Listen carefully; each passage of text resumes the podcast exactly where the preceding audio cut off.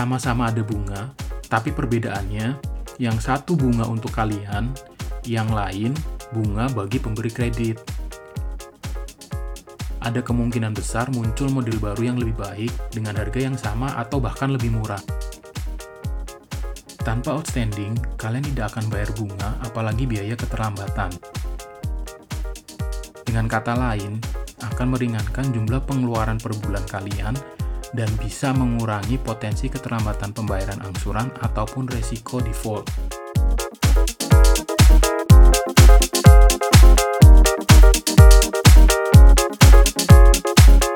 Halo, selamat datang kembali di podcast Pintar Keuangan, podcast yang akan banyak membahas mengenai dunia keuangan dan investasi. Masih bersama saya Teddy Santoso sebagai host. Oke, pada episode ketiga ini saya akan membahas mengenai satu buku menarik tentang keuangan yang baru selesai saya baca. Buku ini berjudul Financially Stupid People Are Everywhere, yang ditulis oleh Jason Kelly, seorang penulis artikel tentang politik dan keuangan. Dia juga menulis salah satu buku bestseller yang berjudul The Neatest Little Guide to Stock Market Investing. Walaupun buku ini ditulis pada tahun 2010, namun isinya masih sangat relevan sampai saat ini, terutama mengenai isu keuangan yang sering dialami oleh masyarakat pada umumnya. Ada beberapa topik menarik yang diangkat dalam buku ini, antara lain mengenai perilaku keuangan masyarakat di Amerika, terutama terkait kredit rumah, kredit mobil, dan kartu kredit yang menyebabkan kredit macet, serta mengenai tips atau prinsip-prinsip keuangan.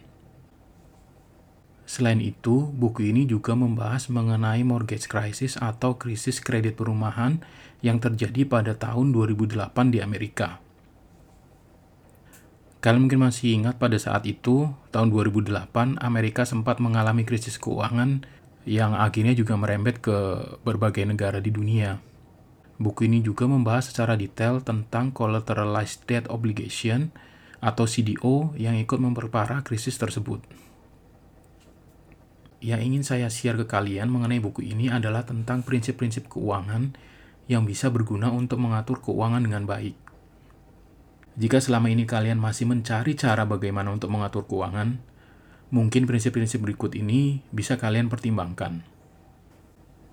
Prinsip yang pertama, pengeluaran tidak melebihi 80% dari take home pay.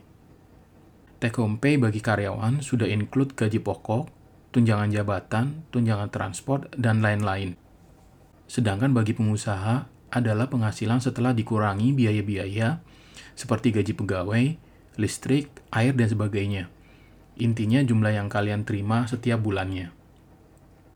Contohnya, jika kalian punya penghasilan 5 juta, maka pengeluaran maksimal sebesar 4 juta, yaitu 5 juta penghasilan kalian dikali 80%.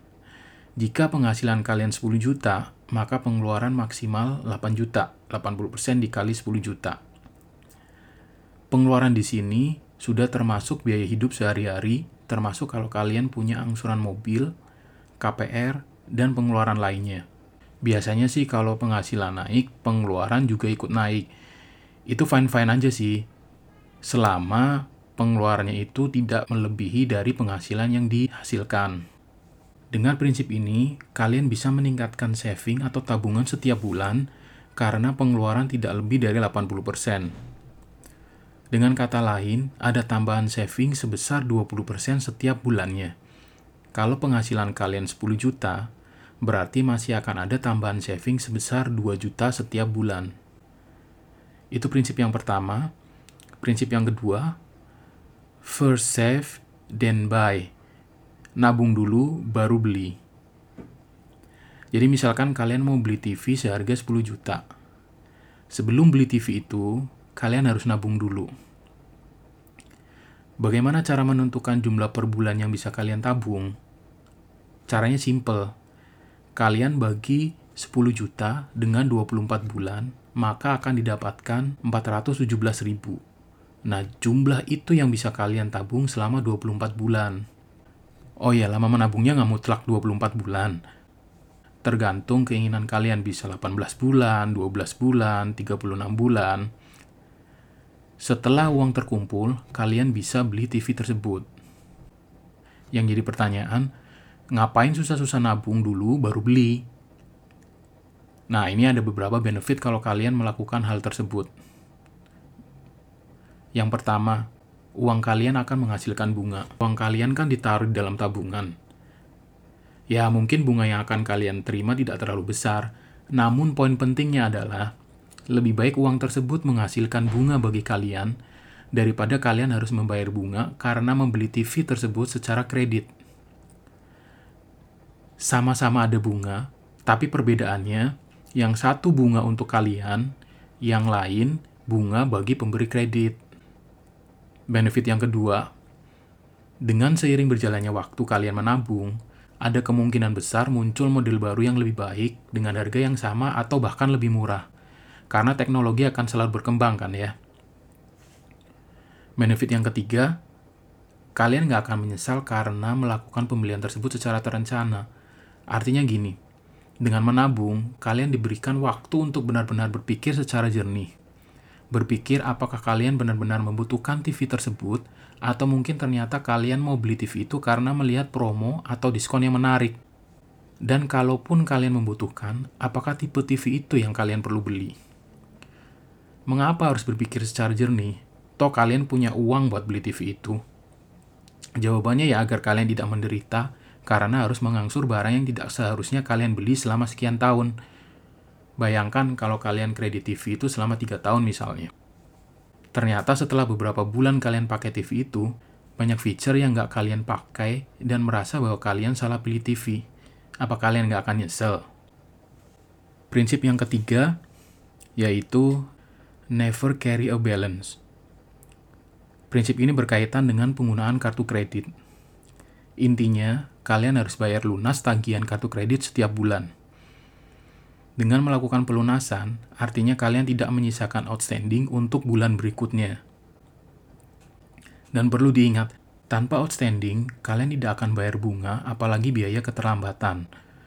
Bunga kartu kredit prosentasenya jauh di atas return investasi kalau tidak salah sebesar 2,25% per bulan atau 27% per tahun.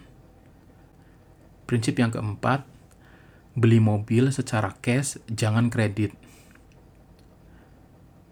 Membeli mobil secara cash berarti kalian tidak perlu membayar bunga kredit. Selain itu juga menjamin bahwa kalian membeli mobil dengan harga yang reasonable dan memiliki mobil tersebut selama mungkin. Dengan adanya bunga kredit, akan membuat harga untuk mendapatkan mobil tersebut semakin besar, terutama jika jangka waktu kreditnya panjang.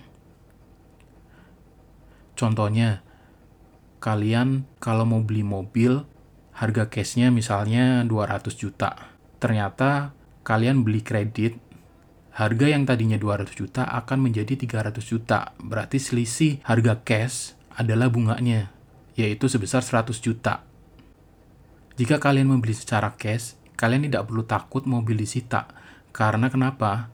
Karena kalian nggak terlambat bayar angsuran mobil, karena emang kalian nggak akan bayar angsuran, karena kan kalian bayar cash. Nggak lucu kan kalau kalian tiba-tiba didatengin tukang tagih waktu lagi hangout sama temen-temen. Kalau terpaksa mau kredit gimana? Ya oke-oke aja sih, tapi pastikan jumlah angsuran tidak melebihi 10% dari take home pay dan jangka waktu tidak melebihi tiga tahun. Itu idealnya ya. Kita masuk prinsip yang kelima. DP rumah minimal 20% dan angsuran di bawah 40% dari take home pay. Kenapa kalian harus melakukan ini? Dengan kalian mengikuti prinsip tersebut akan memastikan kalian bisa memiliki rumah. Artinya, DP 20% akan membuat jumlah angsuran menjadi lebih kecil bila dibandingkan dengan DP 0% atau 10%. Dengan kata lain, akan meringankan jumlah pengeluaran per bulan kalian dan bisa mengurangi potensi keterlambatan pembayaran angsuran ataupun resiko default atau gagal bayar. Katakanlah kalian mau beli rumah harganya 1 miliar. Kalau DP 0%, berarti angsuran akan dihitung dari nilai 1 miliar. Kalau kalian menggunakan DP 10%, berarti nilai angsuran akan dihitung dari 900 juta. Sedangkan kalau kalian DP 20%, berarti pokok hutang kalian adalah 800 juta.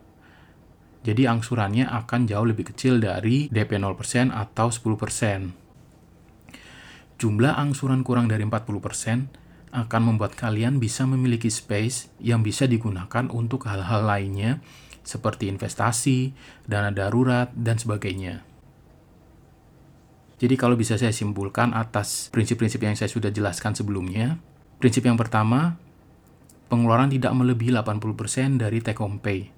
Prinsip yang kedua, first save, then buy, nabung dulu baru beli. Prinsip yang ketiga, never carry a balance, atau bayar lunas tagihan kartu kredit tiap bulan. Prinsip yang keempat, beli mobil secara cash, jangan kredit. Kalau terpaksa kredit, pastikan jumlah angsuran tidak melebihi 10% dari take home pay dan jangka waktu kredit tidak melebihi 3 tahun.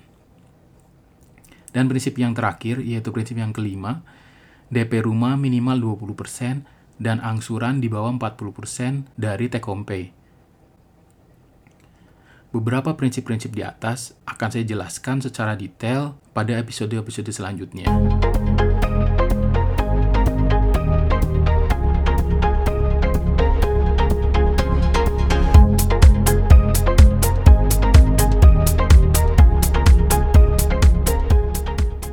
Jadi sekian dulu untuk episode yang ketiga ini.